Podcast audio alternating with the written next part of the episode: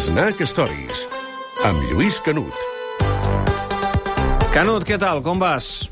Molt bé, doncs aquí confinat i, i escoltant totes aquestes uh, situacions que està plantejant el coronavirus i aquest estat d'alerta en el qual vivim i aquesta situació de paràlisi que, que viu l'esport, que viu la societat en general, que afecta a l'esport i del qual el Barça no és, no és, no és aliè, no? Què et sembla tot el que ha passat aquesta setmana amb el tema de la retallada de sou?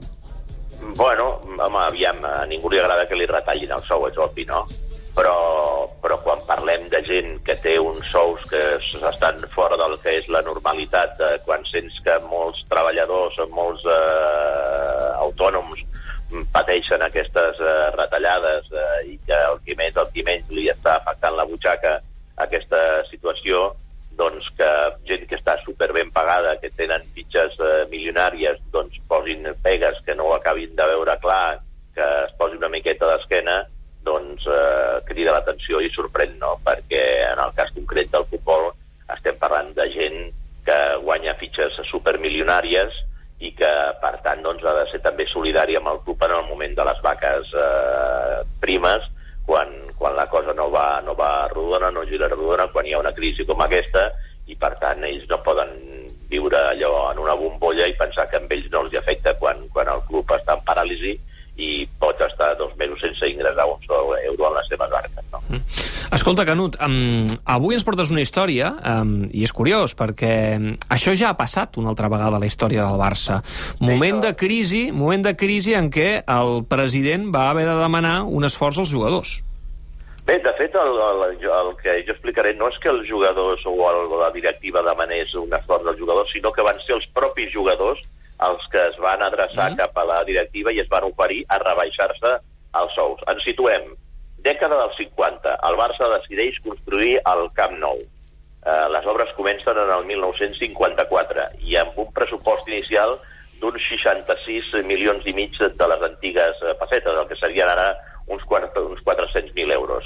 Al cap de 3 anys, unes obres que havien de durar un any i mig, al cap de 3 anys el pressupost final de l'obra es va disparar fins gairebé eh, 5 vegades més. Es va passar a un cost final de 288, de 288 eh, milions de les antigues pessetes, és a dir, 1.700.000 euros. És a dir, que el que passa ara, amb això que es desvien bueno, els pressupostos, ja passava aquella època. Ja passava aquella època, però encara bastant més del que s'estan desviant ara. Mm. Amb la qual cosa allò va provocar una crisi econòmica en el Futbol Club Barcelona eh, brutal, no? i va fer que un grup de jugadors, la majoria d'ells eh, catalans, s'adrecessin de forma voluntària cap a la directiva del club que presidia aleshores Francesc Miró Sans i eh, aquest grup encapçalat pel capità Juanito Segarra, amb l'Antoni Ramallets, amb el Cífer Gràcia, el Martí Vergés o el Ferran Olivella, una història que es va encarregar de descobrir el que era en aquells moments tresorer de la Junta Directiva del Barça, la, de l'insigne economista Fabià Estapé, aquests, aquests eh, jugadors es van oferir per rebaixar-se les seves eh, fitxes, els seus contractes, perquè el club pogués fer front a la greu situació econòmica per la que passava. Per sort, gràcies a un crèdit que li va arribar al club del Banc de Santander, no va ser necessari doncs, que aquests jugadors es baixessin les fitxes, però com a conseqüència d'aquell gest que van tenir de, tant altruista com, de, com a conseqüència d'aquell sacrifici que van estar disposats a fer davant de l'entitat, quan es van construir els edificis, els blocs de pisos que hi ha actualment al Corts, alguns d'aquells blocs porten els noms d'aquests jugadors que van estar disposats a fer aquest sacrifici amb el, amb el club que, per desgràcia, tot i que hi va arribar aquell crèdit del Banc de Santander, aquell, com recordava Fabià Tapé, va ser un crèdit insuficient per fer front al fort deute que tenia en aquells moments el club. Mira, podem recordar el Fabià Estapé, que va ser directiu del Barça entre el 59 i el 61, era el tresorer, ho va explicar a les seves eh, memòries, però podem eh, recordar un moment en una conversa, en una entrevista a TV3 on parlava d'aquesta història. La quantitat que es devia al Banc de Santander era massa petita pel creixement nostre. I que si en vez d'haver demanat, em penso que eren exactes, 300 milions de pessetes per la construcció s'hagués demanat 600, el Santander els hauria d'acord. I hauríem tingut desahogo econòmico i no hi hauríem hagut de vendre el Luis Suárez, per exemple.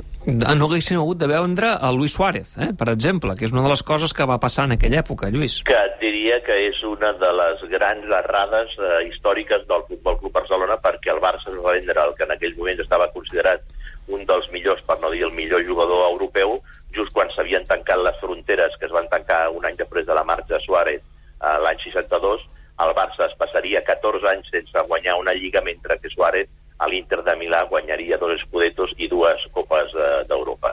Suárez va marxar cap a l'Inter, el Barça no va pal·liar la seva situació, la seva crisi econòmica, fins que l'any 1965, gràcies a uns contactes, a converses entre el president Enric Llaudet i l'alcalde Josep Maria Portioles, però sobretot gràcies a la estreta relació que hi havia entre el gerent del Barça, Joan Gic de, Vic de Careda, eh, Joan Gic Vic de Careda, i el que era ministre del Movimiento, Torquato Fernández Miranda, el Barça va aconseguir la requalificació dels terrenys de les Corts perquè es poguessin construir allà edificis i eh, a canvi de 205 milions de pessetes que sí aleshores van pal·liar la greu situació econòmica del Futbol Club Barcelona. Doncs déu nhi la història, eh? Jo crec que val molt la pena um, repassar um, uh, aquesta història dels anys 50 amb aquesta... Um, i, i com, com han canviat les coses, eh? Van Bueno, ser els el- jugadors, el- eh? Qui, sí, qui, però- qui van però- proposar però- la rebaixa.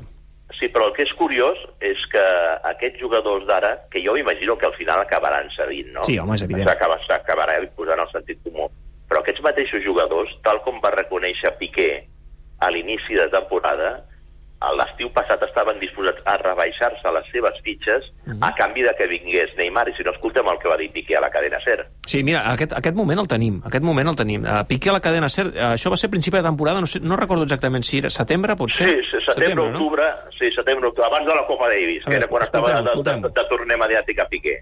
Nosotros lo que le planteamos al presidente fue que si nos teníamos que retocar el contrato, porque sabíamos que había un tema de fair play, entonces nosotros eh, abiertamente y, y porque con la relación con el presidente siempre ha sido muy buena, entonces de decirle... Això ho deia Piqué, eh? Mes de cobrarlo, setembre, eh, per tant, doncs, eh, bé, veurem què és, el, què és el que acaba passant i entenc que, evidentment, el sentit comú s'acabarà imposant i que hi haurà un acord i que, per tant, el club, al final, en, acabarà sortint ben parat, que és el més important. Sí, sobretot perquè oblidem una cosa, els jugadors del Barça són els més ben pagats del futbol mundial, perquè la massa salarial del Barça és la més alta de tots els del futbol mundial. Sí. Per tant, doncs, aquests jugadors crec que en aquests moments de vaques magres, si toca fer un sacrifici, si estrelles el miqueta al cinturó, ho poden fer, que, que no els perjudicarà de, de manera tan considerable com li pot, eh, li pot perjudicar amb un treballador normal o un autònom una situació com aquesta, no? Canut, la setmana que ve més Snack Stories. Doncs vinga, fins la setmana que ve. Adéu-siau.